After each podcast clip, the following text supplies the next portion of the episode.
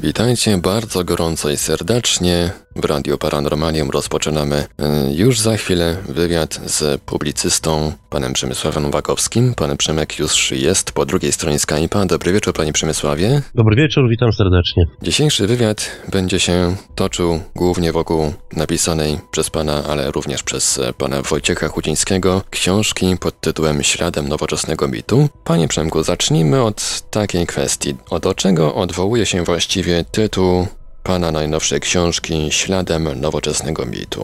Raz jeszcze witam Państwa serdecznie. Właściwie to tak mniej więcej mija rok, od kiedy byłem tu po raz e, ostatni jako e, również osoba reklamująca książkę. Wtedy to była e, książka Ponadwymiarowi. I właściwie śladem nowoczesnego mitu poniekąd jest drugą częścią tej całej wielkiej serii Mity i Legendy, ale ma też swoją jakby własną specyfikę i, i ten tytuł o którym Pan mówi, również ma z tym pewien związek, ponieważ nawiązujemy tutaj do pojęcia nowoczesnego mitu wprowadzonego w latach 50. ubiegłego wieku przez mm, słynnego psychologa y, Junga.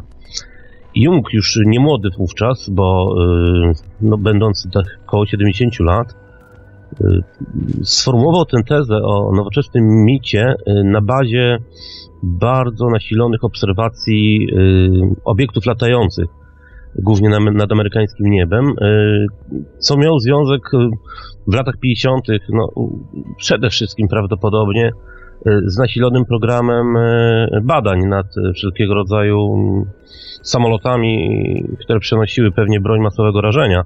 Natomiast Jung ukuł zupełnie inne sformułowanie. On stwierdził, że w świecie pozbawionym coraz bardziej zjawisk nadprzyrodzonych takiego pierwiastka nadnaturalnego, po prostu y, niejako społeczeństwo na, na takiej bazie zupełnie atawistycznej poszukuje jakichś y, związków z magią, związków z, z naturą, których się samo ze swojego niejako otoczenia pozbyło.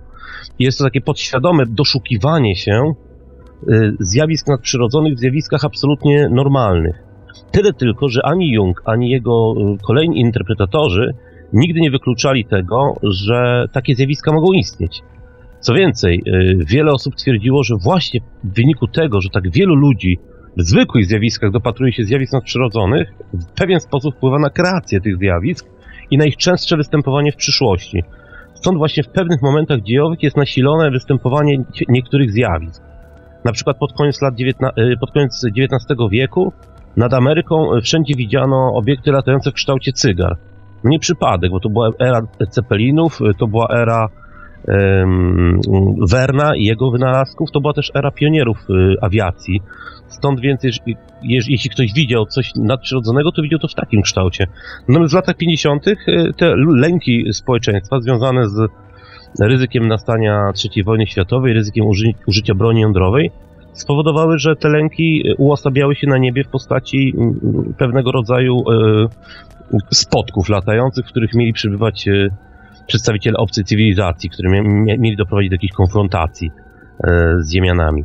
Natomiast my wyszliśmy z założenia, że mimo, że minęło 50 lat, to pojęcie nowoczesnego mitu Junga wciąż jest aktualne, tylko może niekoniecznie odnosi się do samego zjawiska UFO, bo o ile UFO jest wciąż popularne, o tyle nie jest to już taka e, masowa skala, jak była w latach 50., kiedy rzeczywiście, zwłaszcza po czasach roswellowskich, w czasach takiego dzikiego makratyzmu w Stanach Zjednoczonych, w czasach tego rzeczywiście wielkiego wyścigu zbrojeń, mm, tych zjawisk, tych obserwacji było znacznie więcej. Natomiast y, my dzisiaj obserwować możemy zupełnie inne zjawiska, które również mogą być wynikiem lęku człowieka, pozbycia się pierwiastka nadnaturalnego z naszego życia, pozbycia się transcendencji albo wyrzucenia na margines, albo też po prostu stechnicyzowania współczesnego świata. Zwróćmy uwagę, że bardzo wiele mamy pesymistycznych y, perspektyw, y, prognoz, y, przepowiedni na, na najbliższe lata i dekady, co może się wiązać z tym, że jest takie powszechne poczucie dekadentyzmu i jakiegoś zagrożenia. W takich czasach bardzo często ludzie odwołują się do zjawisk nadprzyrodzonych i często doszukują się ich tam, gdzie ich nie ma.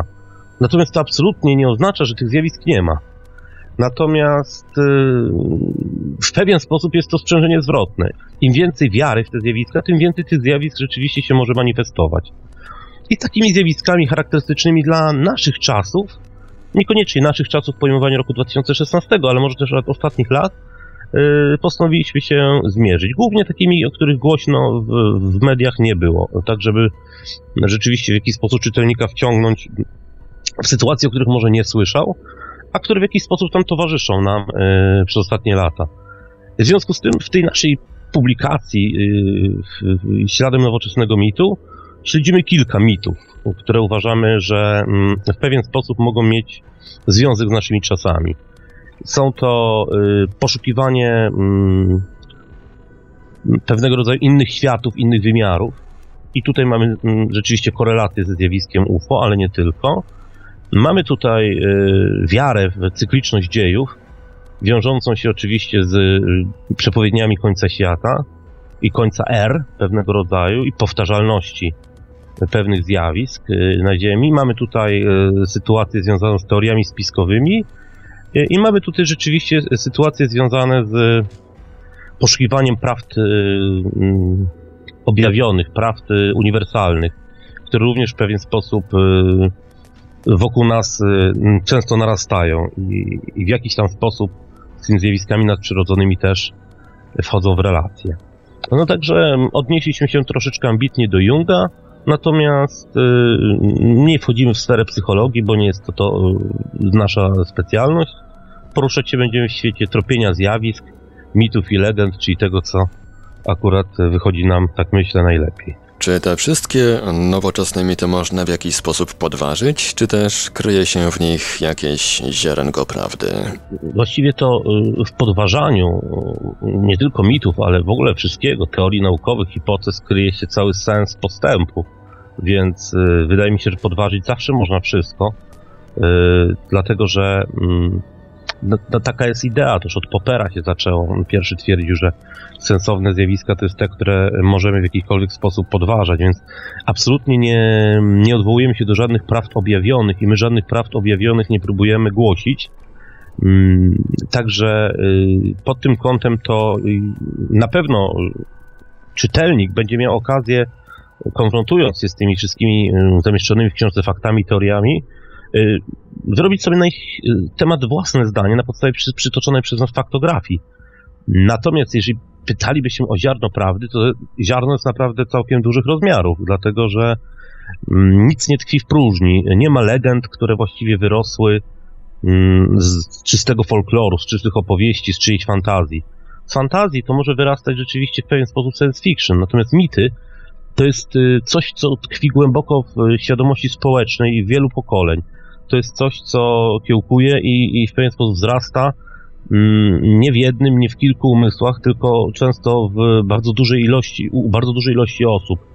Co powoduje, że ten mit jest tak, tak silny i tak nośny i tak e, długo jest w stanie przetrwać, bo że te najstarsze mity, które znamy ze starożytności mają już kilka tysięcy lat.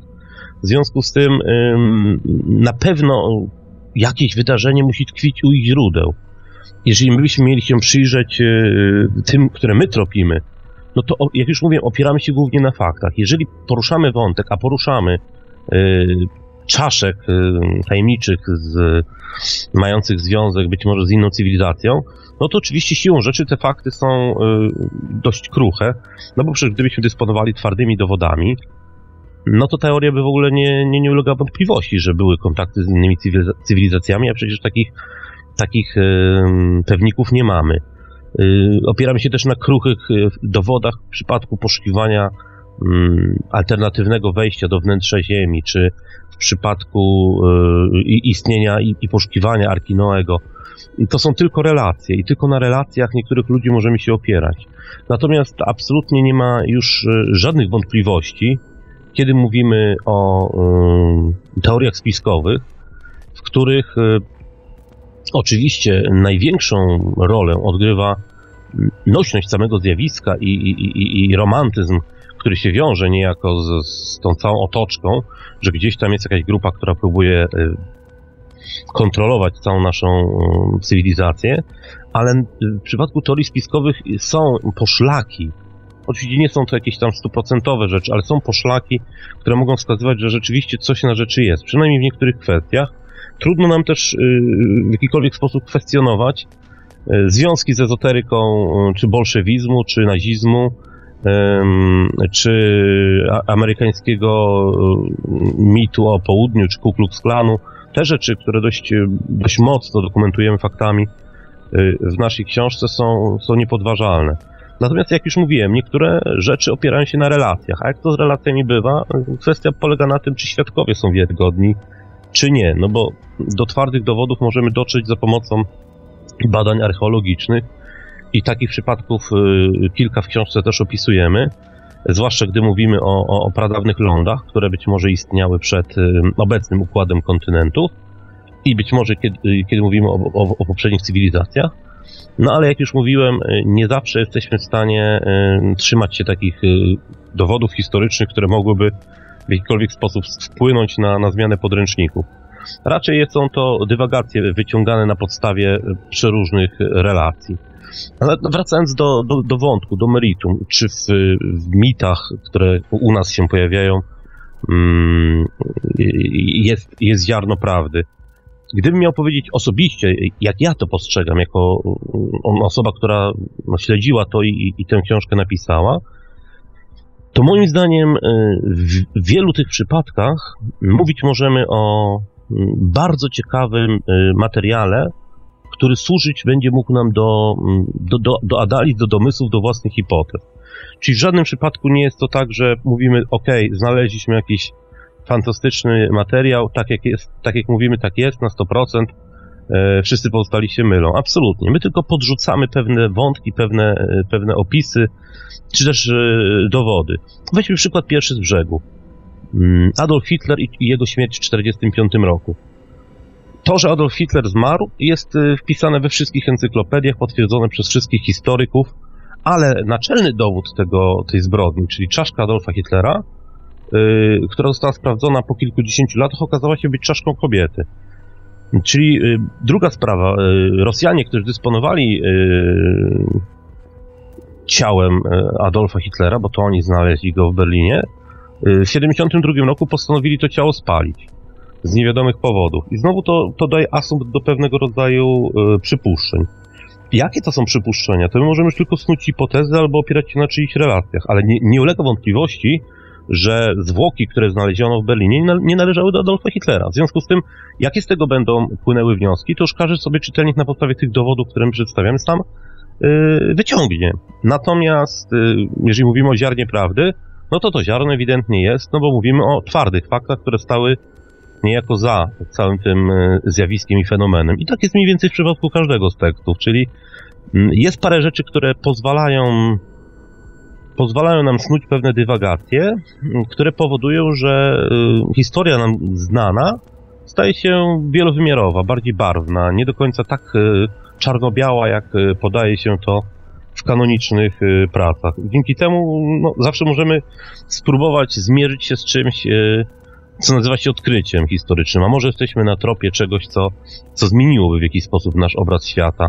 Może będziemy w stanie, już nie my, ale ci, którzy po przeczytaniu naszej książki będą kontynuować badania nad niektórymi wątkami, e, dotrzeć do jakichś bardzo ciekawych już i, i jeszcze bardziej e, umocowanych akademicko wniosków. No, jeżeli tak by było, to byłoby w ogóle fantastycznie, bo taki był nasz zamiar.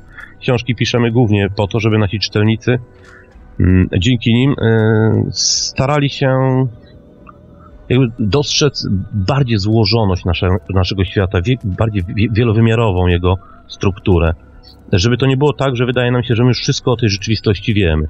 Właśnie szukamy, wkładamy ten kij w mrowisko i mówimy nie, w tym, w tym, w tym przypadku może być zupełnie inaczej. Natomiast czy jest inaczej, no to już każda osoba sama sobie na to pytanie odpowie, sama poszuka odpowiedzi. Gdy pan tak wspomniał o tym bolszewizmie, to nasunął mi się na myśl jeszcze inny mit. Właśnie nie wiem, jak to traktować, czy jako mit, czy domniemanie graniczące z pewnością, czy może po prostu fakt. W każdym razie jest to historia upowszechniana przez teoretyków spisku zajmujących się Watykanem, głównie m.in. przez pana Marcina Dachterę w Polsce. Mam na myśli mianowicie mit o rzekomych związkach jezuitów z bolszewikami, bądź też na odwrót. Jak pan odnosi się do tego typu kwestii? Jak powinniśmy tego typu tematy właściwie traktować? Takich y, ciekawych, bym powiedział, nawet smakowitych związków, których ludzie doszukują się w niektórych w niektórych relacjach jest dużo więcej. Watykan pojawia się w bardzo wielu przypadkach, jeśli chodzi o różnego rodzaju teorie spiskowe. To znaczy, mm, o, o Watykan ma związek z iluminatami. Mówię o teraz już nie własnym zdaniu, tylko o tym, do jakich E, różnego rodzaju koligacji gdzieś tam na przestrzeni tych badań dotarłem. Czyli Watykan miał swój wkład w powołaniu grupy Bilderberg.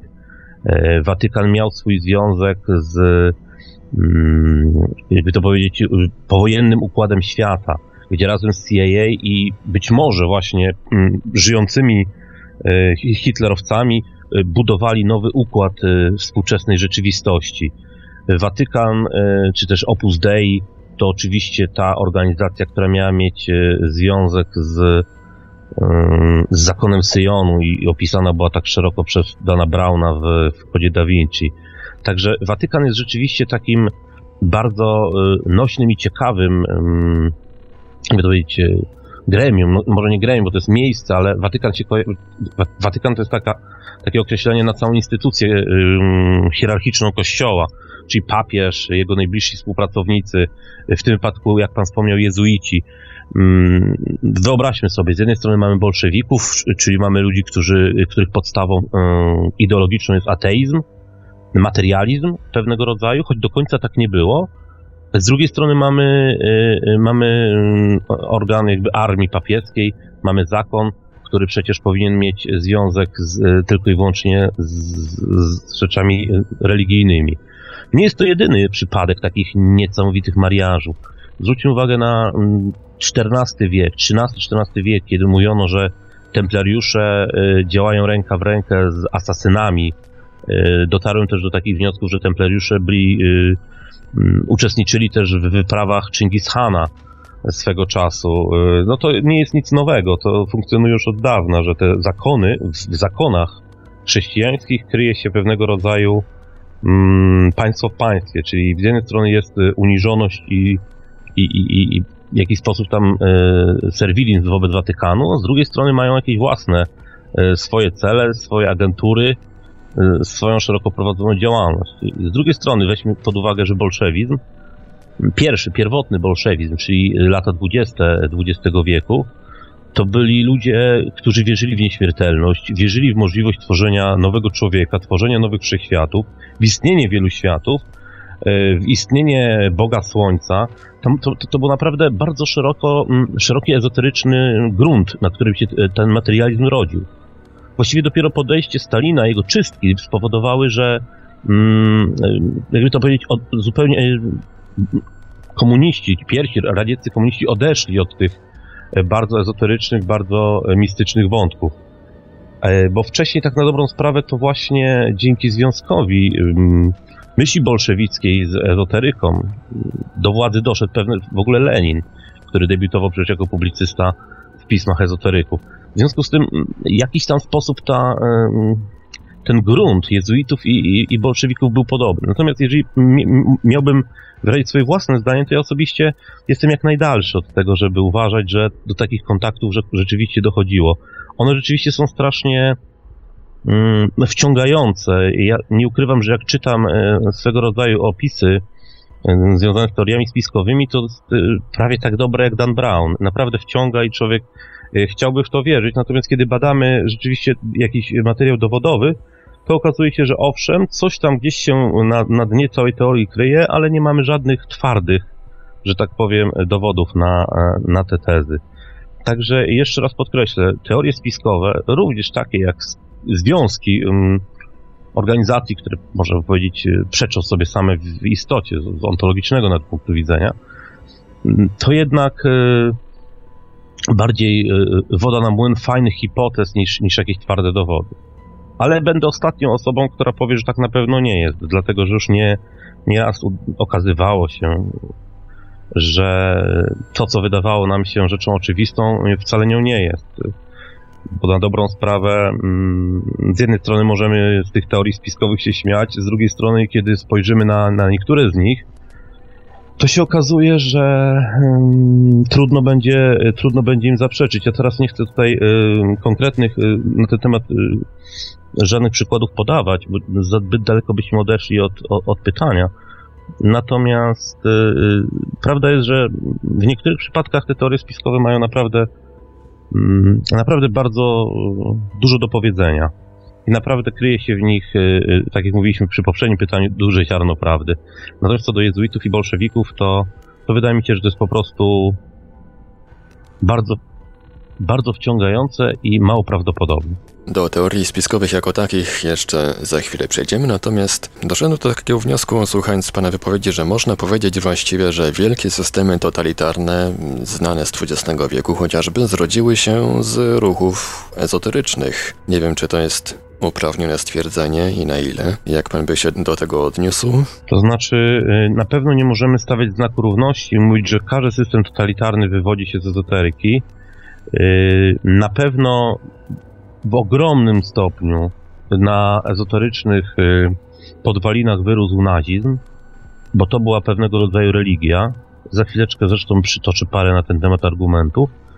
Natomiast wspominany przed chwilą przez nas bolszewizm, to tak jak już mówiłem wcześniej, mm, trudno, on nie wyrósł z tradycji ezoterycznej.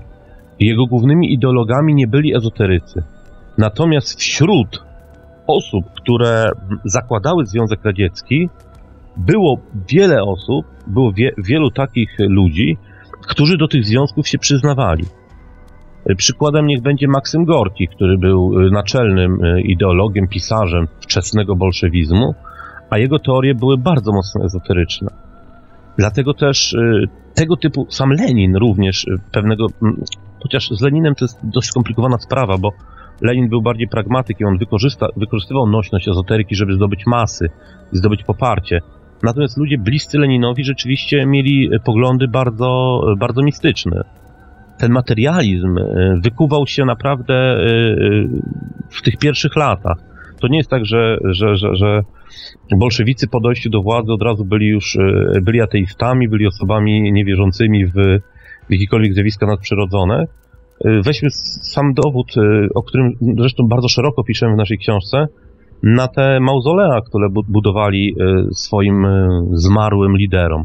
Przecież w prawie każdym, prawie każdym dużym komunistycznym państwie e, zbudowano mauzoleum dla, dla swojego władcy.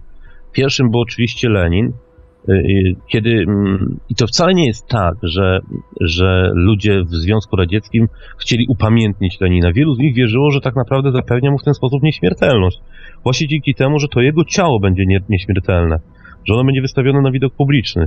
Ale przecież Lenin był tylko początkiem tej całej y, wielkiej grupy ludzi, którym stawiano mauzolea, gdzie wystawiono ich ciała na, na widok y, podwładnych, którzy w niejednym przypadku, aby zobaczyć swojego ukochanego wodza, ukochanego w cudzysłowie często, E, tratowali się nawzajem i traci, tracili życie w tych pierwszych dniach po śmierci. Tak było w przypadku Stalina, któremu też wybudowano mauzoleum i który spoczął obok Lenina. I gdyby nie ten słynny referat e, Chruszczowa na 20 zjeździe KCK-PZR, to być może ten Stalin nadal obok Lenina by leżał i być może nadal choć, by, by, byśmy mogli go podziwiać. Z tego, co słyszałem, to był dużo mniej rzetelnie wykonany ten, grobowiec, właściwie to ciało przygotowane i ono się e, rzeczywiście rozpadało w bardzo szybkim tempie. No ale przecież takie mauzoleum wybudowano i e, w Mongolii, wybudowano Kim Il-senowi w Korei, wybudowano e, Mao Tse-tungowi, zresztą z dużymi problemami również, Ho Chi Minowi w Wietnamie, ale i, i, i Dimitrow w Bułgarii się doczekał. E, także można by tego znacznie więcej mm, przytoczyć i my przytaczamy te rzeczy u nas e, śladem nowoczesnego mitu, jako dowód na to, że gdzieś tam te związki z ezoteryką bolszewizmu były. Natomiast e, w przypadku nazizmu to jest zupełnie inna historia, dlatego że nazizm w ogromnym stopniu czerpał z ezoteryzmu i na bazie tych ezoterycznych mitów o ariańskim przewodnim e, znaczeniu, o wspaniałej historii, e, o bitwie pod, Cernon, e, pod mm, Cernuntą, gdzie armia germańska powstrzymała Rzymian, budowano jakiś wielki mit germańskiej siły, o wyspie Tule, na której Ariowie pierwotnie jakby do, doszli do szczytu swojej potęgi. Hitler sam finansował wyprawy do Tybetu, gdzie mie, mieli znaleźć nad ludzi. Hitler finansował wyprawy, które miały znaleźć wejście do, do wnętrza Ziemi na, na Antarktydzie. Nie mamy żadnych dowodów na to, czym się te wyprawy zakończyły. Hitler budował Wewelsburg, który miał być Watykanem nazistów Y, ten Wewelsburg nie miał być przypadkowy, to, to, mia, to, miał być jakby twierdza, w której miałaby się narodzić nowa religia. Religia y, nie tyle hitlerowska, ani nazistowska, tylko religia y, nordycka, po, jakby, która miała być ponownie tą dominującą siłą w, na całym świecie, jak wierzył, jak wierzył Hitler. Mm, Hitler opierał się na, na pracach w dużej mierze, a może nawet nie Hitler, ile ludzie, którzy Hitlera też w pewien sposób stworzyli, bo też nie dodawajmy e, przyszłemu Führerowi aż takiego dużego znaczenia. Mm, przecież to nie był e, człowiek, który wyrósł w próżni, to był po prostu właściwy człowiek we właściwym czasie. Kiedyś nawet ukułem taką tezę, że gdyby Hitler się nie narodził, to prawdopodobnie stworzono by innego Hitlera, bo taki był wówczas duch e, w narodzie niemieckim, że ktoś taki musiał do władzy dojść. No ale opierali się na pracach Guido von Liszta, na pracach E, Lensa, mm, to tak na dobrą sprawę była mm, dość, dość twarda jakby powłoka, na której budowano ten mit Arejczyka, mit, mit y, niczeńskiego nadczłowieka, y, mit y, zdrady, tego, że wszystkie inne narody gorsze próbują tych Ariów w jakiś sposób doprowadzić do upadku. Oni odkrywali nawet na Y, pomnikach czy na reliefach perskich sprzed 3000 lat dowody na to, że Ariowie byli tą czystą rasą, a jakieś tam y, mało podobne, czy, czy, czy gorsze, czy wtórne rasy ludzkie y, bazowały na tych biednych e, Nordykach i próbowali z nich tworzyć krzyżówki, żeby ich upodlić, żeby ich poniżyć. I właśnie to była, to, to była mm, legenda poniekąd, ale to, był, to była też siła wokół której Hitler i, i ludzie, i jego ludzie zbudowali co są PG. Czyli wyszukalibyśmy, wyszukaliśmy sobie wrogów, tak? Ale to nie jest tak, że tym wrogiem był Żyd, Słowianin, dobra. Ale on tę teorię na zasadzie, że każdy, kto nie jest y, pochodzenia aryjskiego, jest gorszy. I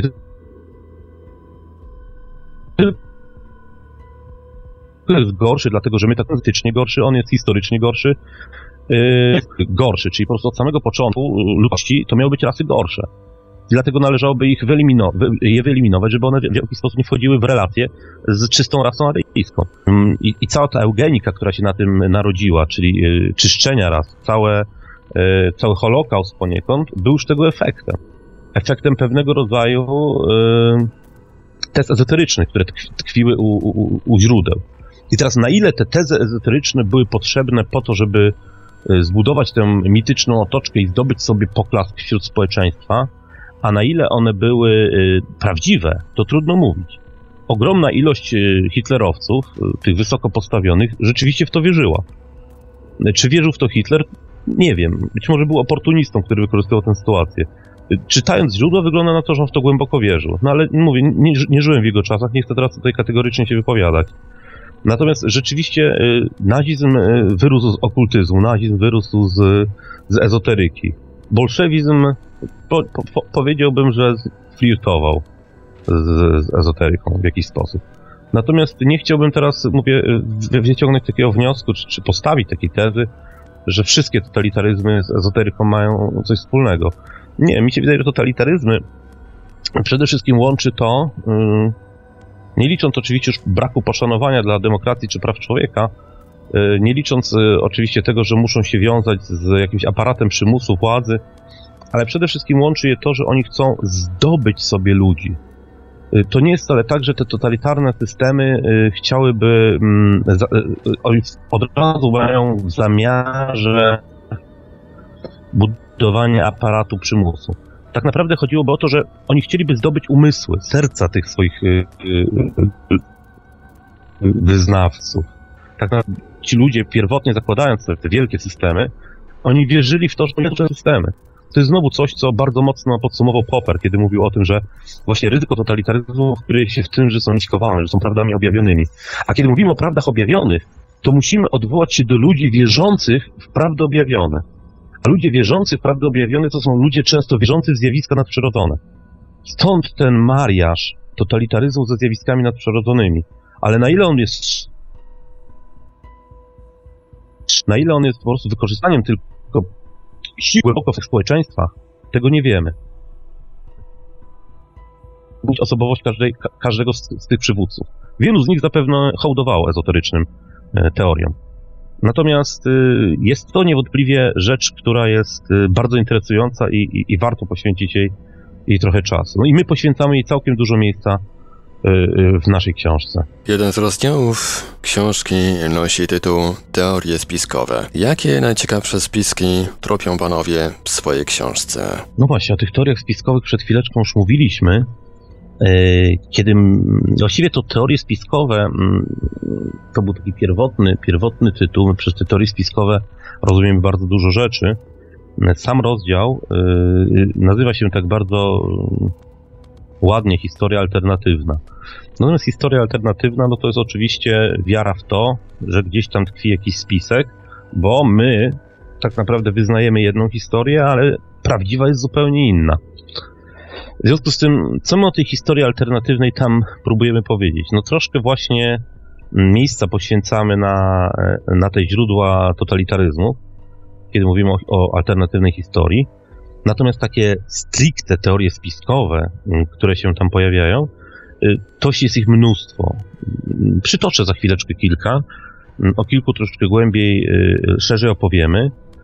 Jedna z nich to jest y, mit o iluminatach bardzo modne pojęcie, zwłaszcza po y, książce Anioły i Demony Dana Browna i po ekranizacji Rona Howarda. Mm, no, w, w samym Rzymie przecież organizuje się nawet wycieczki śladem Dana Browna. Sam osobiście również y, taką wycieczkę z przyjaciółmi sobie urządziłem swego czasu.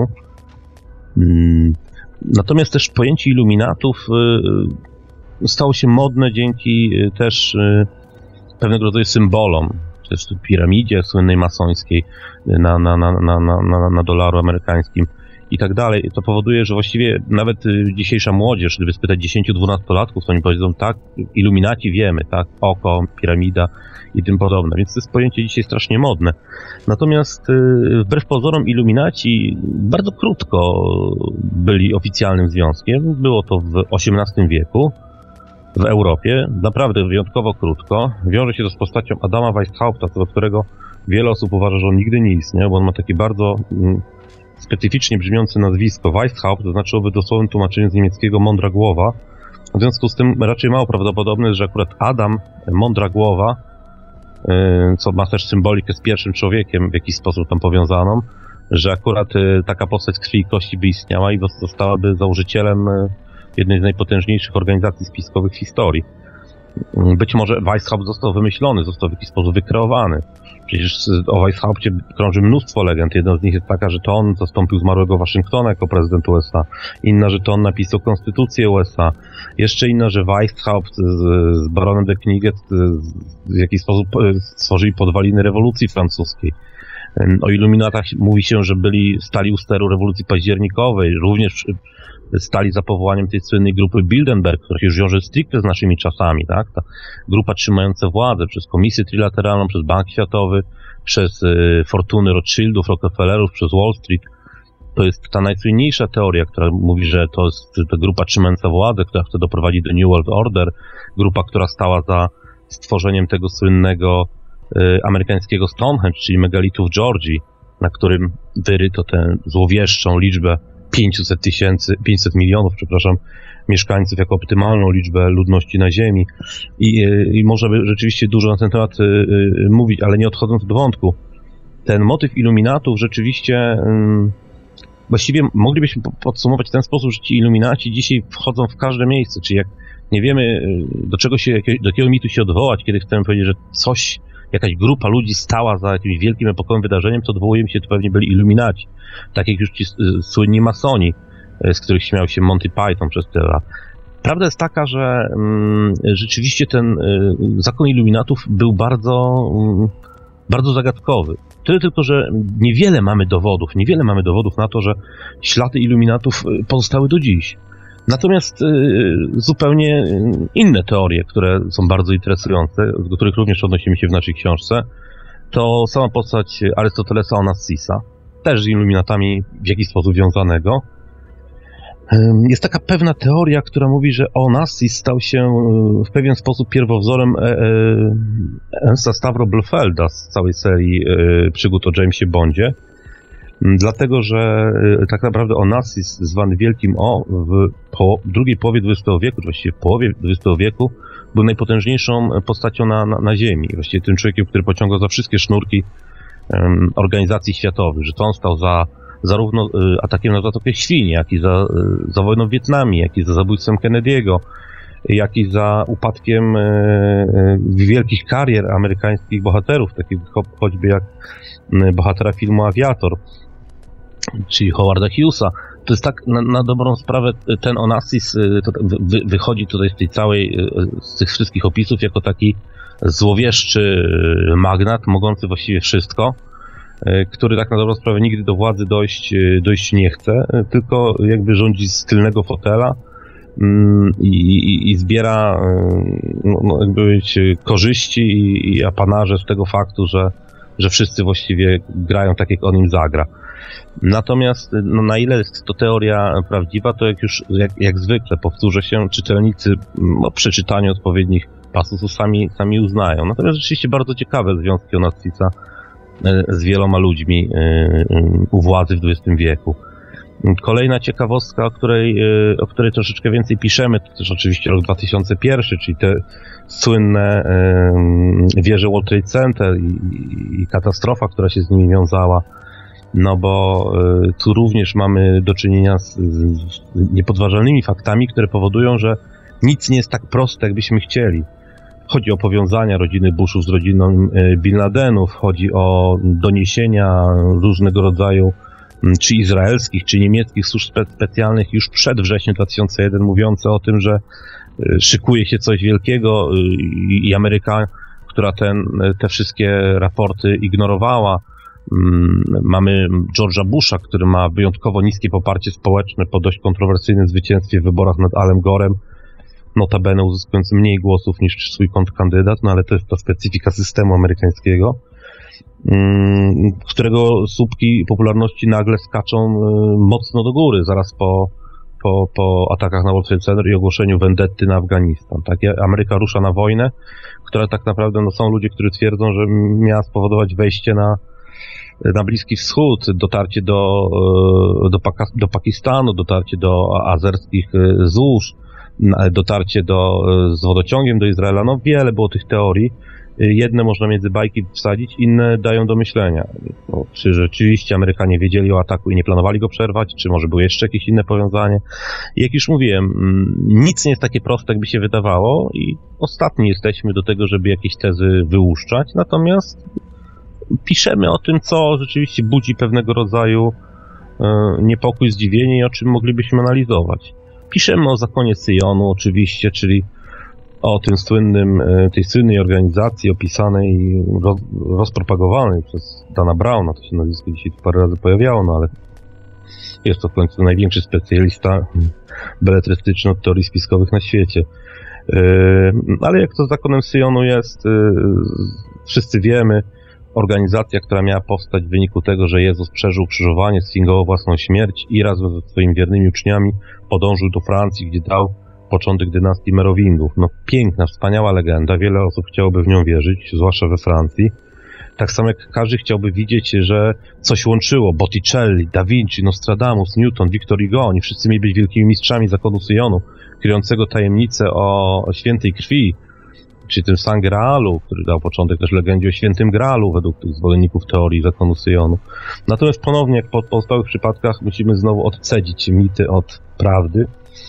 Prawdy rzeczywiście w tym wszystkim jest bardzo niewiele, bo jak dobrze wiemy, cały spisek został sfingowany. Natomiast y, jest legenda, która żyje już własnym życiem. I dzięki temu, że żyje już własnym życiem, y, to być może lada dzień dowiemy się, że jest już na dodatek y, w jakiś sposób prawdziwa, zgodnie z tą tezą, że kiedy bardzo dużo osób wierzy w pewną tezę, być może powołają w jakiś sposób do życia. Mówimy troszeczkę też o, o, o Matrixie. Bardzo modna e, hipoteza, że tak naprawdę nie żyjemy wcale w, w 2016 roku, tylko żyjemy w jakiejś innej rzeczywistości, w jakimś zbudowanym uniwersum, zbudowanym w jakimś symulakrum, które tak na dobrą sprawę E, albo jakaś sztuczna inteligencja, albo nasi potomkowie stworzyli po to, żebyśmy e, w jakiś sposób byli nieświadomi pra prawdy o, o, naszej rzeczywistości.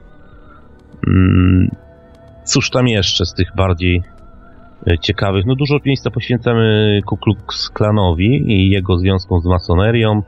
Dużo związków tak z pamięci próbuję odtworzyć.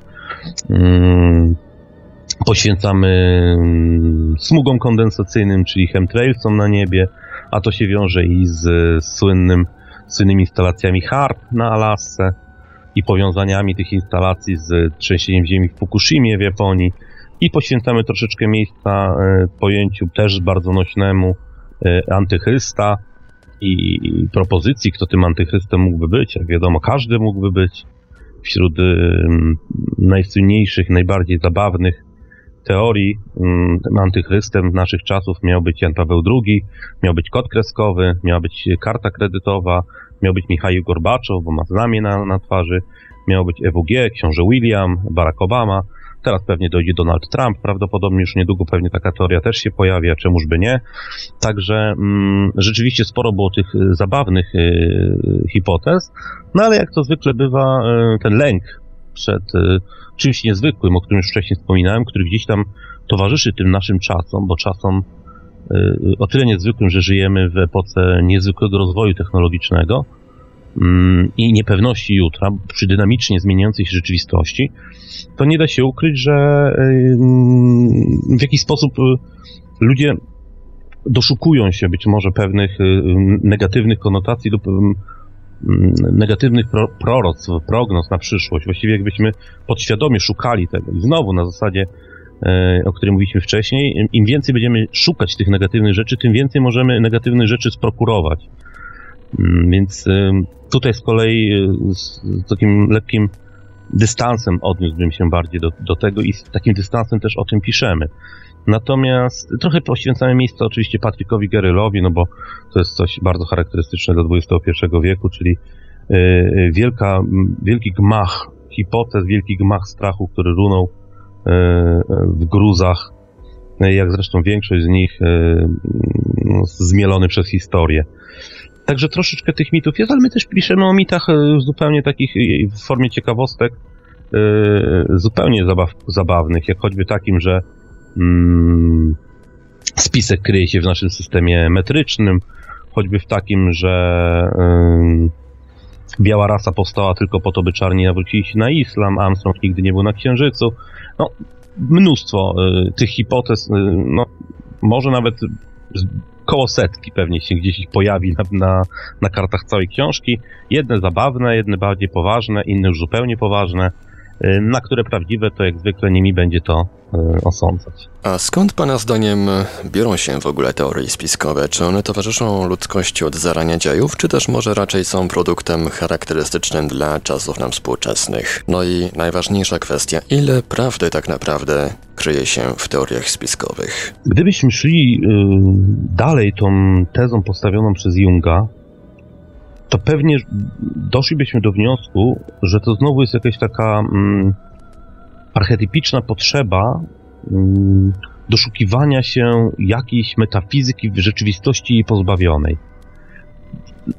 Nasze czasy to są czasy dość wyjątkowe, bo, są, mm, bo to są czasy, w których rzeczywiście ta transcendencja została wyparta na margines.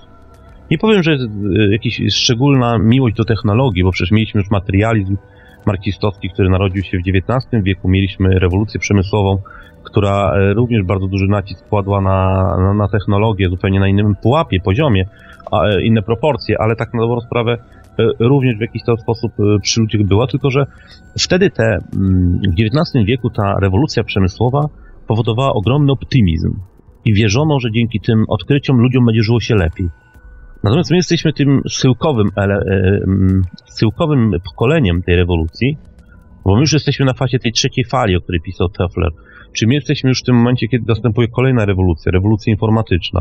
I my już widzimy, że ta rewolucja przemysłowa nie doprowadziła nas nigdzie dalej. Może żyjemy dłużej, może jako społeczeństwo yy, no, osiągnęliśmy jakiś tam cywilizacyjny szczyt pod względem no, i, i, i, i służby zdrowia i edukacji i, i, dostępu do różnego rodzaju yy, mediów i, i wygód, których nie mieli nasi, nasi przodkowie, ale z drugiej strony wiąże się to z pewnego rodzaju jałowością, jałowością kultury, jałowością spędzania czasu, upadku tradycji, rodzi, tradycji rodzinnych, ale też i upadku związku z naturą.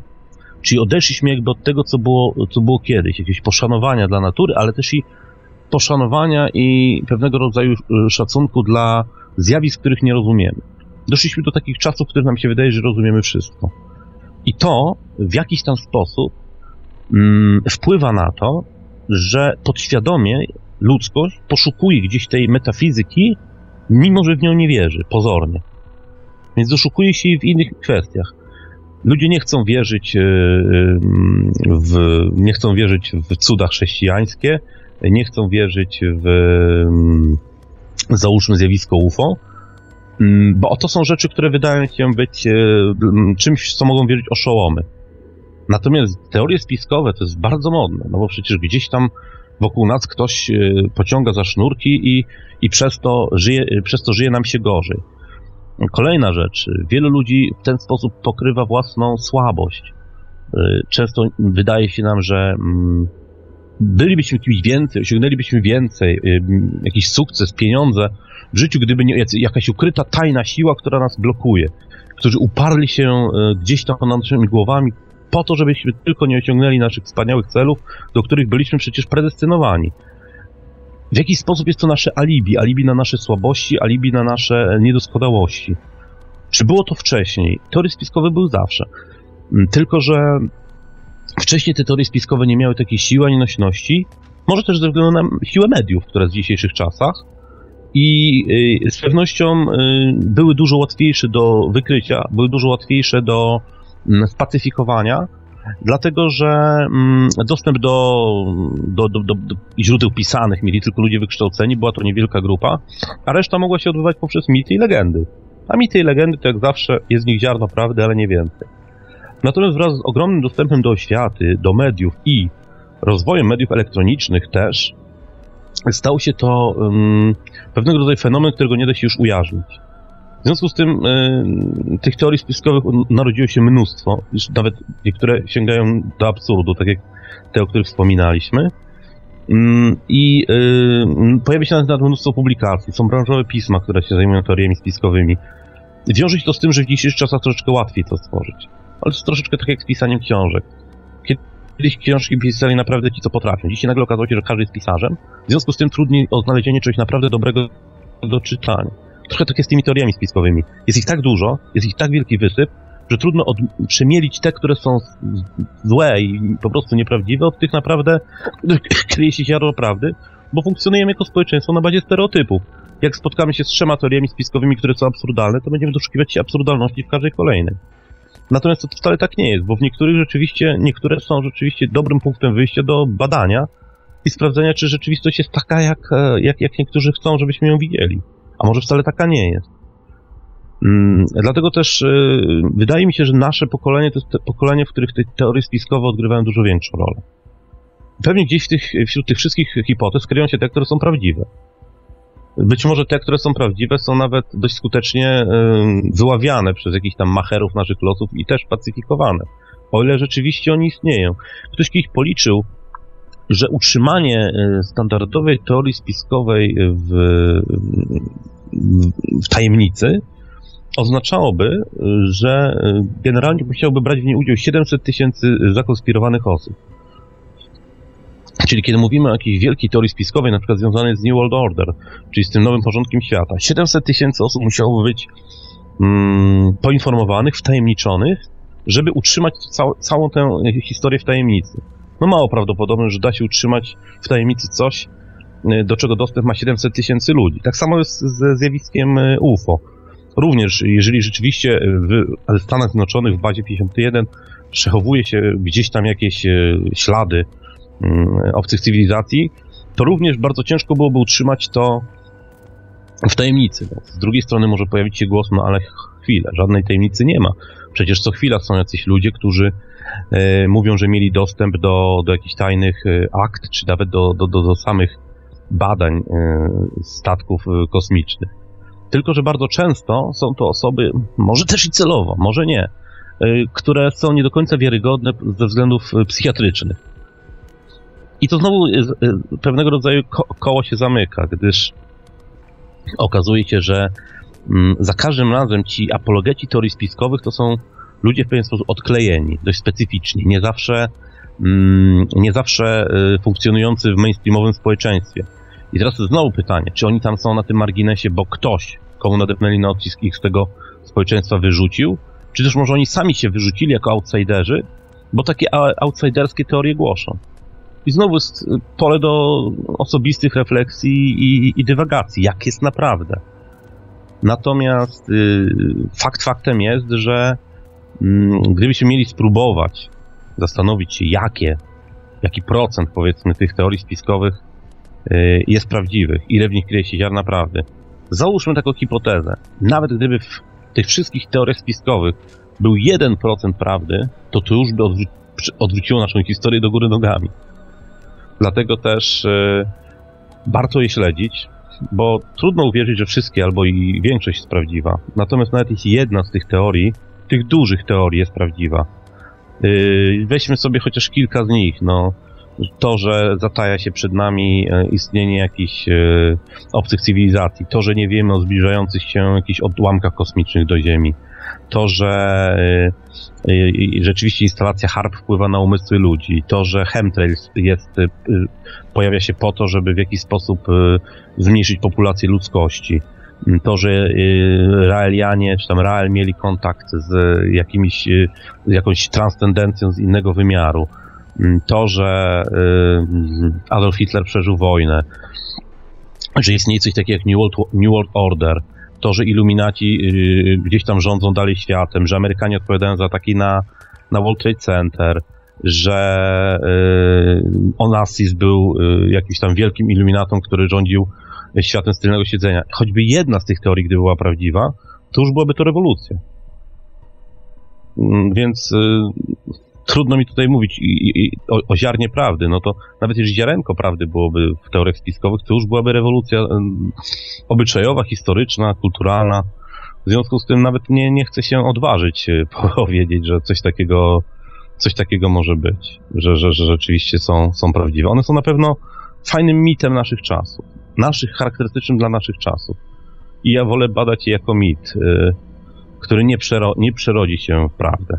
Z mojej perspektywy tak to przynajmniej wygląda. Słuchajcie Państwo Radia Paranormalium, a na antenie Radia Paranormalium wywiad z Przemysławem Nowakowskim, współautorem wspólnie z Wojciechem Chudzińskim książki Śladem nowoczesnego mitu. Panie Przemku, które z omawianych w książce mitów są według Pana najbardziej charakterystyczne dla XXI wieku? XXI wiek to jest ten wiek, który narodził się yy po mitycznym roku 2000, który miał być końcem naszych czasów. I z niewiadomych przyczyn, przynajmniej dla większej, dla dużej grupy społecznej, nic w tym roku 2000 się nie wydarzyło. W związku z tym należało zrobić pewnego rodzaju moratorium dla tego końca świata, no bo to nie może tak być, że taka piękna, wspaniała liczba jak 2000 nie wiąże się z żadnym kataklizmem. I w związku z tym XXI wiek to jest wiek końca świata. Nie końca świata, który nadejdzie, bo to może być tak jak z tym Czesławem Miłoszem. Jest tym staruszkiem, który mówi w jego wierszu o tym, że innego końca świata nie będzie niż ten, który obserwujemy każdego dnia. Ale mm, jest to wiek końca świata, dlatego że bardzo dużo mm, pojawiło się nagle samozwańczych proroków końca świata. Samozwańczy prorocy to w ogóle osobny temat, bo kto zna dobrze proroctwa i przepowiednie, nawet te starożytne, to wie, że y, często mówiono, że fałszywi prorocy pojawią się u kresu dziejów. No to jeżeli fałszywymi prorokami mielibyśmy mierzyć koniec dziejów, no to tak, koniec świata jest blisko. No bo przecież y, tyle, ile mieliśmy końców świata już przez te 16 ostatnich lat, no to dawno tego nie było. I nie mówię już tutaj o tych amerykańskich kaznodziejach, jak ten nieszczęsny 90-latek, chyba Cramping się nazywał, nie, nie chcę teraz już powiedzieć czegoś, co, co będzie nieprawdziwe, który chyba cztery daty w samym XXI wieku końca świata wyznaczył. Ale przecież mieliśmy przebiegunowanie Ziemi. Mieliśmy Patryka Geryla i, i, i, i rok 2012 wiążący się z końcem kalendarza maju. Zresztą swoista ciekawostka, bo to rzeczywiście mnóstwo ciekawych rzeczy z tym 2012 rokiem się, się, się działo.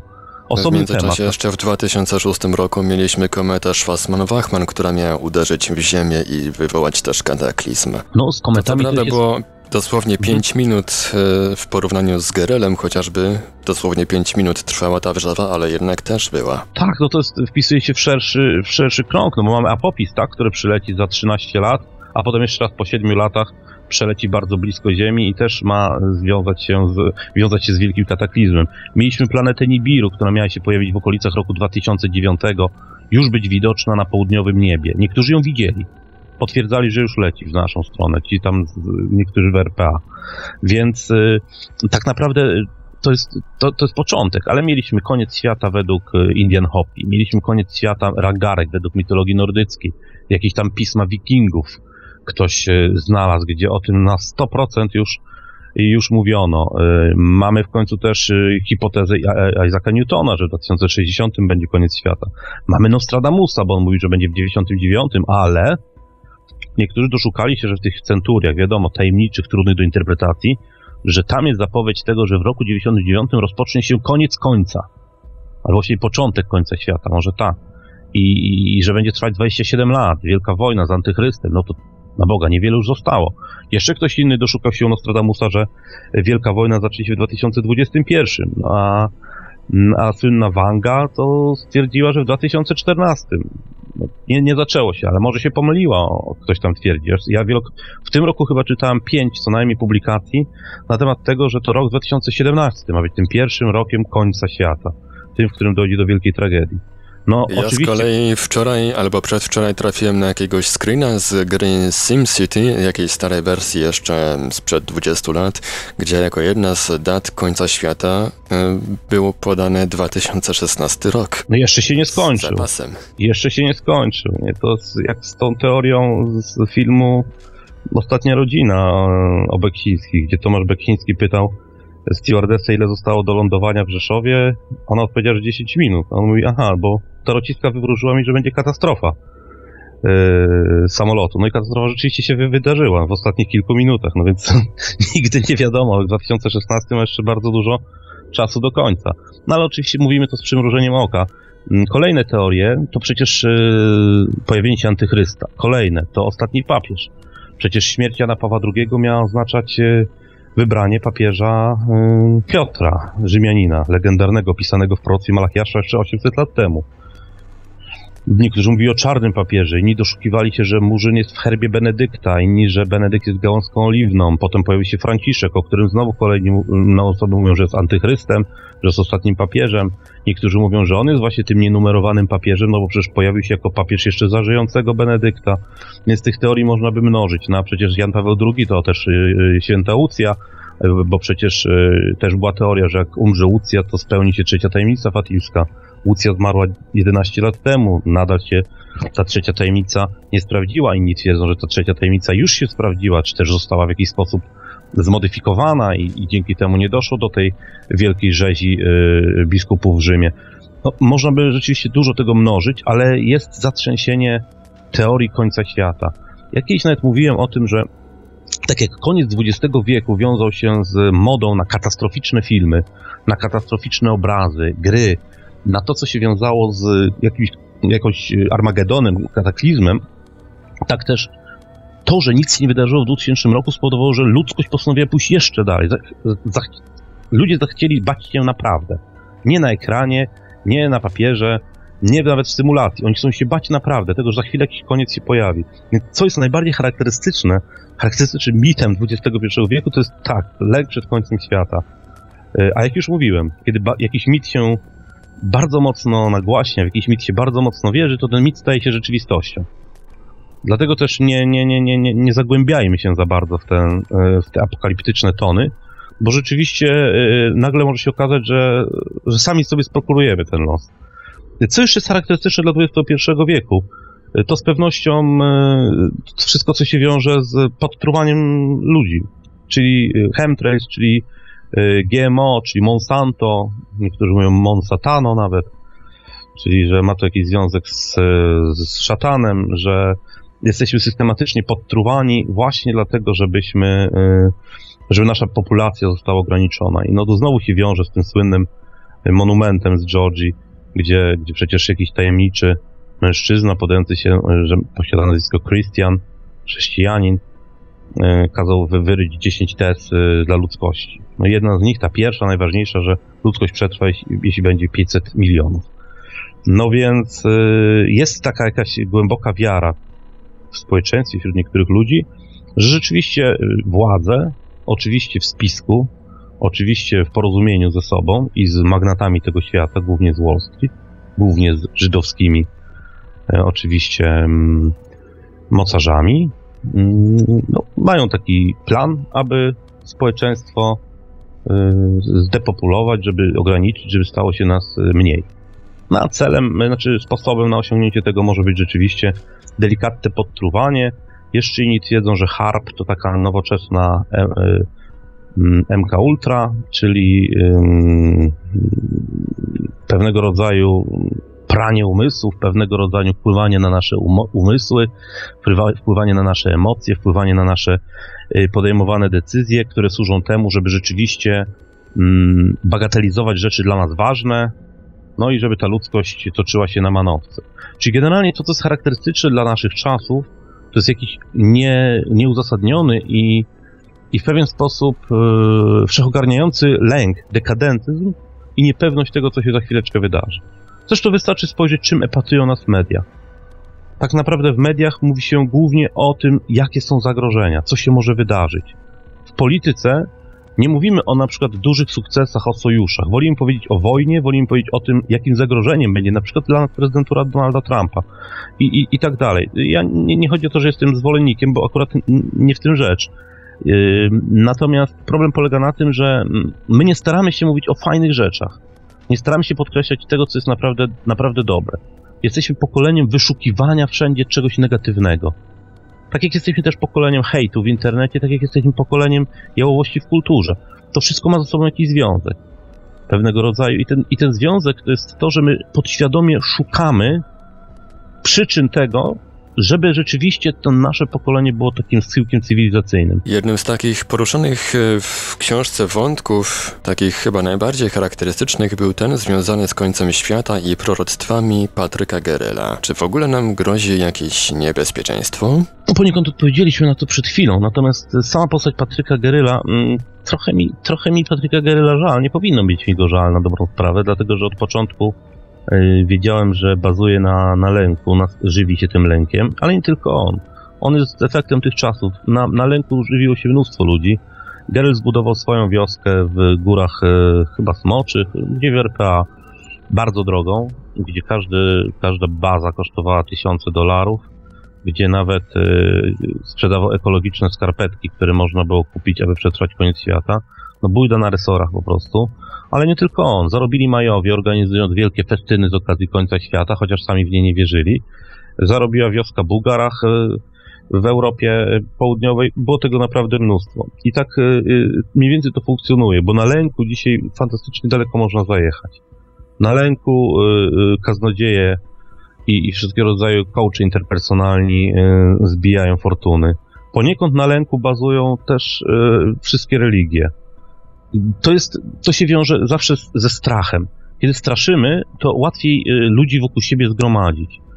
I dlatego nie powinno mi być żal Geryla, ale z drugiej strony on był tak, on był tak fajnie przekonujący w tych swoich wywiadach, y, że aż no, no, do, do, do śmieszności można by powiedzieć. Wielu ludzi uwierzyło w jego tezy. Natomiast sam rok 2012 był szalenie ciekawym rokiem, bo to naprawdę się ten 13 Baktun wydarzył, bo naprawdę na ten 2012 rok miało być, e, miało być e, wielkie przesilenie słoneczne. Tam był ten, to się kończył ten 11-letni cykl plam słonecznych, ale też kończył się 187-letni cykl naprawdę wzmożonej aktywności słonecznej. Mm, było rzeczywiście, były koniunkcje planet, naprawdę mnóstwo rzeczy tam, bo to prawdopodobnie przypadek, ale łatwo było dać się namówić, że ten 2012 rok może się wydarzyć. Niektórzy twierdzą, że no to jest początek, że to jest początek cyklu, który gdzieś tam się kiedyś zakończy. No wszystko można w jakiś sposób uzasadnić. Mm, natomiast y, gdybym ja miał powiedzieć, czy, warto, czy mamy się bać, czy jest się czego bać, no to może spójrzmy na to z innej perspektywy. Y, Zbigniew Brzeziński chyba powiedział, że do użycia broni atomowej w XX wieku nie doszło dlatego, że dysponowały prawie identycznymi zasobami dwa wielkie mocarstwa i nastąpił pewnego rodzaju pad. Czyli i Stany Zjednoczone i Związek Radziecki wiedziały, że kiedy jedno mocarstwo zrzuci na drugie broń atomową, to dojdzie do samounicestwienia, bo będzie rewanż. Mi się wydaje, że to, co jest zagrożeniem dzisiejszych czasów, to jest to, że nie mamy jasnej sytuacji. Nie ma takiego pata w polityce międzynarodowej, nie ma układu dwóch potężnych sił stojących po dwóch stronach. Mamy totalny chaos, absolutnie nieprzewidywalność yy, jutra we wszystkich instytucjach. Nieprzewidywalny jest zarówno obecny prezydent elekt USA, jak i obecny prezydent Rosji. Nieprzewidywalni absolutnie są przecież terroryści z ISIS. Nieprzewidywalni są przywódcy y, europejscy, którzy wyłonią się prawdopodobnie w najbliższych wyborach. Nieprzewidywalni są przywódcy państw azjatyckich, które stają się coraz bardziej y, bogate. Nieprzewidywalna jest y, rola w przyszłym społeczeństwie y, takich gigantów rosnących jak Meksyk, Indie. Jesteśmy na, na progu właściwie wyłonienia się nowej szachownicy politycznej świata. Czy ona wyłoni się samodzielnie poprzez przestawienie, przez pewien zmianę szyku, czy dojdzie do jakichś tarć, nie wiemy. Natomiast jesteśmy w, w takim momencie dziejowym, który chyba bardzo przypomina w jakiś sposób lata 30. XX wieku. Czyli dochodzenie do władzy w wielu krajach populistów, mówienie, straszenie wojną, yy, nakręcanie się nacjonalizmów, yy, a przy okazji wielki kryzys finansowy. Do czego to doprowadziło w latach 30. wiemy i powtórki nie chcemy. Natomiast jest w jakiś sposób klimat dość podobny. I to jest niepokojące. Ja bym nie bał się końca świata, który może się wydarzyć. Chociaż oczywiście on może w każdej chwili się pojawić. Dlaczegoż by nie? Wystarczy, że uderzyłaby w nas asteroida wielkości, no nie wiem, dajmy na to średnicy 20-30 metrów. To już ten pył, który by wzbił się w niebo, mógłby spowodować zmianę klimatu i katastrofę ekologiczną na całym świecie. Wybuch wulkanu, choćby takiego jak Tambora y, sprzed 200 lat może być kataklizm nieporównywalny, bo jesteśmy w innym etapie y, cywilizacyjnym niż wtedy, kiedy to było 200 lat temu. Taka flara słoneczna, która była w 1859, również dzisiaj mogłaby zniszczyć nasz system totalnie. Takie rzeczy się zdarzają i mogą się zdarzyć. Oczywiście i to są niezależne od, od nas i nie jesteśmy w stanie na to poradzić. Natomiast y, większe niebezpieczeństwo widziałbym w tym, że ludzie są bardziej nieprzewidywalni. I idee, które im przyświecają, to już nie są te idee demokracji, końca historii, bo doszliśmy do końca cywilizacji, bo już nic mądrzejszego nie wymyślimy, czy te słynne there's no alternative Margaret Thatcher. Nie. Żyjemy w czasach, kiedy właściwie absolutnie jesteśmy w stanie przewidzieć e, najbliższej przyszłości. Mm, ale czy powinniśmy się bać? Nie, dlatego że ja wierzę w to, że nasze nastawienie ma e, decydujące znaczenie. Jeżeli my się będziemy bać, to ten demon, którego się boimy, nas porze. Jak w tej słynnej e, e historyjce my się nie możemy bać. My właśnie powinniśmy próbować patrzeć optymistycznie w przyszłość, bo tylko wtedy będziemy w stanie mm, kontrolować tę przyszłość, o ile w ogóle cokolwiek od nas zależy. Natomiast lęk e, ewidentnie wywoła konsekwencje. Takie mam e, osobiste przemyślenia na ten temat. No, ale natomiast, e, no, jak już mówię, lęk, jeśli już to powiązany z tym, że może dojść do jakichś przetasowań na politycznej mapie świata, a nie lęk przed końcem świata, czy też końcem ludzkości. Korci mnie nieprawdopodobnie, żeby zadać panu takie pytanie o genezę w ogóle całej koncepcji końca świata. Skąd pana zdaniem w ogóle to się wzięło? Te daty dnia ostatecznego pojawiają się przecież właściwie regularnie już od wieków. Czym to jest spowodowane? Może końce świata stanowią swego rodzaju element popychający naszą cywilizację do przodu, wyzwalający jakby jej rozwój? no pewnie, pewnie nie zgodziliby się z panem Hindusi, którzy twierdzą, że jest cykliczność dziejów, więc y, normalną rzeczą jest, że musi przyjść koniec, żeby nastąpiło odnowienie i to odnowienie wcale nie, nie będzie lepsze, tylko będzie dokładnie takie samo. Musi być oczyszczenie i tak to się toczy, bez końca. Y, potem jest złoty wiek, jest, jest srebrny wiek, jest Kali Yuga na końcu i wreszcie przyjeżdża Kalki na białym koniu jest y, apokalipsa, a potem odnawia się Shiva kończy świat, y, Brahma zaczyna następny i, i, i, i jedziemy dalej, w cudzysłowie. Natomiast jeżeli mówimy o tych okrągłych datach, mm, to one są ewidentnie ściśle związane z chrześcijaństwem, bo spójrzmy, ta era mm, hinduska, ja nie, nie pamiętam, to są chyba 432 tysiące lat. 432 tysiące, jaka dziwna liczba. Y, nie ma tam żadnej, żadnej okrągłości, to nie, nie funkcjonuje tak jak u nas. Ale to chyba w, w Biblii są wątki związane właśnie z tymi tysiącami, że jeden dzień na ziemi to jest jak tysiąc lat. Y, nie, czy, nie, jeden dzień w niebie to jest tysiąc lat ziemskich bodajże. To stąd się wzięło. W związku z czym ludzie mówili, aha, minęło tysiąc lat od zmartwychwstania Jezusa, czy też od narodzin Jezusa, tutaj teorie są sprzeczne, no to w takim razie no, musi przyjść ta, ten koniec, no bo jeden dzień minął, jeden dzień niebieski. Mm, też w Apokalipsie ktoś doszukał się e, motywu, że tam jest mowa wyraźnie o dwóch tysiącach lat, że będą dwa tysiące lat, żeby pojawił się Nowy Jeruzalem, a potem ewentualnie kolejne dwa tysiące lat, jeżeli ludzkość e, będzie odpowiednio e, dobra. No więc to są rzeczy chyba związane z, z, naszym, z naszymi korzeniami cywilizacyjnymi, czyli tkwiącymi w chrześcijaństwie. Bo jak widzimy, inne cywilizacje podają inne liczby, tak? U Majów to jest 13 baktunów, czyli no to jest raptem 5000 sto kilkanaście lat. Ale to nie, ale to też Majowie nie wierzą w, w koniec świata. U nich to jest po prostu koniec czasu i mierzymy czas od nowa. A ta teoria końca świata ewidentnie ma związek z sądem ostatecznym.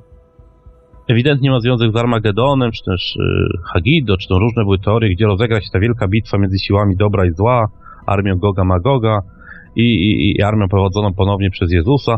No i to rzeczywiście apokalipsa świętego Jana chyba była źródłem tego lęku w cudzysłowie, który tę naszą cywilizację zdominował. Dlatego e, wydaje mi się, że ten rok 2000 w taki sposób jakiś tam magiczny e, gdzieś się pojawiał.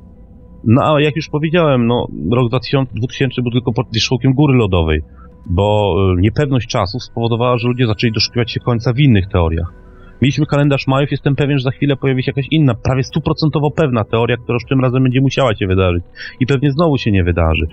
Dlatego, że yy, dopóki w jakiś sposób nie, na, nie, nie, nie nastanie optymizm, nie pojawi się w nas optymizm związany z przyszłością, dopóty będą pojawiać się teorie końca świata, w które będziemy głęboko wierzyć.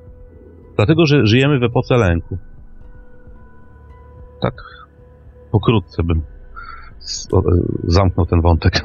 Wracając jeszcze do książki Śladem nowoczesnego mitu, do jakiej podstawy jest panu bliżej w tej książce? Sceptyka badającego mity od strony naukowej, czy raczej wyznawcy wierzącego w zjawiska paranormalne? No właściwie to jest, jest taka teza, która mówi, że każdy wyznawca w końcu staje się sceptykiem. Ja generalnie zawsze starałem się na wszystkie tajemnice naszego świata patrzeć przez pryzmat fascynacji tajemnicą. To znaczy, y, nie jestem osobą, która w coś głęboko wierzy, jeżeli mówimy o zjawiskach nadprzyrodzonych. Dlatego, że mm, nie o wiarę tu chodzi. Wiara jest czymś, co nie podlega dyskusji. O wierze się nie dyskutuje. Wiara y, oznacza, że coś jest dla nas w aksjomatach, niepodważalne. W związku z tym, jako dla autora książki, no to ja mógłbym napisać katechizm zjawisk nadprzyrodzonych, gdybym był osobą głęboko wierzącą w te rzeczy. Dlatego też bardzo ciężko dyskutuje się z ludźmi, którzy wierzą, że mają rację. Bardzo ciężko dyskutuje się z ludźmi, którzy wierzą, że posiedli prawdę objawioną. No bo oni na pewno swojego zdania nie zmienią i będą twardo stali na swoim przekonaniu, niezależnie od tego, jakie argumenty im poda. Bo wiara nie powinna być elementem dyskusji. Elementem dyskusji powinno być zawsze tylko, tylko i wyłącznie przypuszczenia, hipotezy. I to jest mi najbliższe. Dlatego, że generalnie hipoteza powoduje, że ja mogę nie mieć racji. A po, nieposiadanie racji też jest fascynujące. Bo można posłuchać czegoś nowego, dowiedzieć się czegoś nowego od innej osoby. Jest tym coś fascynującego. Poza tym, e, no wiadomo, trzeba odłożyć czasem na bok e, ego, no bo nikt nie lubi być podważanym, ale to się wiąże z rozwojem. Każdy w jakiś sposób e, podważenie naszej racji wiąże się z rozwojem. Dlatego y, nie, sceptyk, zarówno sceptyk, jak i osoba wierząca, to jest właściwie, y, to są dwie strony tej samej monety. Sceptyk nie wierzy z założenia i nie będzie wierzyć i podważy wszystko, choćby miał dowód czarno na białym. A z kolei, y, z kolei osoba mm, z kolei osoba głęboko wierząca, mm, z drugiej strony barykady będzie zachować się dokładnie tak samo. Więc ja wolę być osobą, która po prostu bada, przypuszcza i ma nadzieję, że się myli, jak ktoś to obali. Tak bym mniej więcej to sformułował. I to wydaje się takie mm, chyba najzdrowsze podejście, szczerze mówiąc, moim zdaniem. Śladem nowoczesnego mitu, to tak już kończąc powolutku ten dzisiejszy wywiad, Śladem nowoczesnego mitu to druga książka z pańskiej serii Mity i Legendy. Niech pan może opowie tak na koniec szerzej o tym projekcie, jakoś zachęci naszych słuchaczy do sięgnięcia po po te właśnie książki. Tak, wspomniałem na samym początku naszej rozmowy, że rok temu mniej więcej o tej samej porze mówiliśmy o książce Ponadwymiarowi, teraz mamy drugą książkę napisaną wspólnie z Wojtkiem Chudzińskim. Y, zręby tej książki powstały bardzo, bardzo dawno temu, w okolicach roku 2004-2005, czyli dużo lat potrzebowała, żeby się zmaterializować. Materializuje się też nasza druga książka z tej samej właściwie y, dziedziny badań, poszukiwaniu magicznej formuły, tam będziemy zajmować się czymś bardziej ponadczasowym, e, niekoniecznie mitami, choć też oczywiście, ale głównie poszukiwaniem e, wszystkich jakichś mm, teorii wyjaśniających sens naszego świata. Czyli nie będziemy tym razem badać tej tkanki takiej e, czysto zewnętrznej, związanej z naszymi czasami. Tym razem będziemy starali się poszukiwać nie tyle własnej, choć trochę też, hipotez na temat tego, czym jest nasz świat, dlaczego powstał, jaka jest nasza w nim rola i, i, jaka była jego, jakie były najważniejsze wydarzenia w jego historii, które gdzieś tam nas ugruntowały. Będziemy porusz, porusz, poruszać się po naprawdę niezwykłych hipotezach, mm, po naprawdę niezwykłych y, pomysłach y, związanych z tym, jaka jest tak naprawdę natura naszego świata i związanych z dźwiękami, z obrazami, z energią i z liczbami, właściwie no, będzie tam fajny przekrój przez to, co ludzie przez te tysiące lat y, wymyślili. No i będą też tam gdzieś wplecione też oczywiście nasze przypuszczenia. Przypuszczenia, jak zawsze. Żadna prawda objawiona. Mm, natomiast mniej więcej w tym samym czasie powinna ukazać się czwarta część serii Mity i Legendy, czyli y, tak zwany 100 spotkań z tajemnicą w której mm, opublikuję 10 rankingów związanych z zjawiskami nadprzyrodzonymi, bo jestem takim fanatykiem liczb. E, nie w sensie pitagorejskim, tylko w sensie takim czysto amerykańskim. Lubię różnego rodzaju statystyki, rankingi i pod tym kątem rzeczywiście takim e, będzie taka najbardziej luźna z tych wszystkich książek z tej serii. Też będą mity, też będzie ich sporo współczesne, natomiast generalnie będą raczej poszeregowane e, na zasadzie jakiegoś klucza i, i, i z uzasadnieniem, e, które rzeczy były ciekawsze, które mniej. No a ostatnia część tej pentalogii, czyli właściwie piąta część cyklu Mity Legendy, mam nadzieję, że uda się wydać w roku 2018. Jestem, no, może marzycielem, ale chętnie bym zrealizował ten cel do roku 2018 to będzie magiczne miejsce w Europie, to będzie podsumowanie, bo to nie podsumowanie wszystkich moich podróży, wszystkich ciekawych miejsc do obejrzenia wiążących się z jakimiś legendami, czy taka bardziej już praktyczna książka, też jako przewodnik turystyczny. I to będzie takie domknięcie całego cyklu, łącznie z wykazem wszystkich mitów, e, które w tych książkach się ukazały. Także y, pięć tomów mity i legendy na pewno będzie. Dziś jest drugi tom. Zapraszam do zakupu. Można go kupić na stronie Nieznanego Świata, Galerii Nieznanego Świata. Można też kupić osobiście u mnie na stronie y, przemeknowakowski.wordpress.com, czyli na takim standardowym blogu wordpressowskim. Y, może się uda gdzieś tam zapisać, y, żeby też czytelnicy mieli możliwość zobaczenia tego. przemeknowakowski.wordpress.com Tam jest od razu odnośnik dotyczący zakupu książki. Można się ze mną skontaktować przez maila i ja wtedy osobiście książeczkę wysyłam. Y, również. Natomiast y, kolejne książki, jak się będą pojawiać, to pewnie w Radio Paranormalium damy o tym znać. No, mam nadzieję, że pojawienie się każdej kolejnej książki będzie również każdą kolejną okazją do przeprowadzenia z panem wywiadu z, z tej właśnie okazji. Polecam się. I tak oto dotarliśmy do końca niezwykłej audycji z niezwykłym gościem. Naszym gościem dzisiaj był Pan Przemysław Nowakowski, publicysta i współpracownik Niestanego Świata, dziękuję jeszcze raz w imieniu swoim i słuchaczy za to, że przyjął Pan zaproszenie do Radia Paranormalium. Ja również bardzo dziękuję, było mi bardzo miło. Pozdrawiam, dobranoc. A rozmowy poprowadził i audycję od strony technicznej obsługiwał Marek Sękiewelios, Radio Paranormalium, paranormalny głos w Twoim domu. Dobranoc i do usłyszenia w kolejnych audycjach.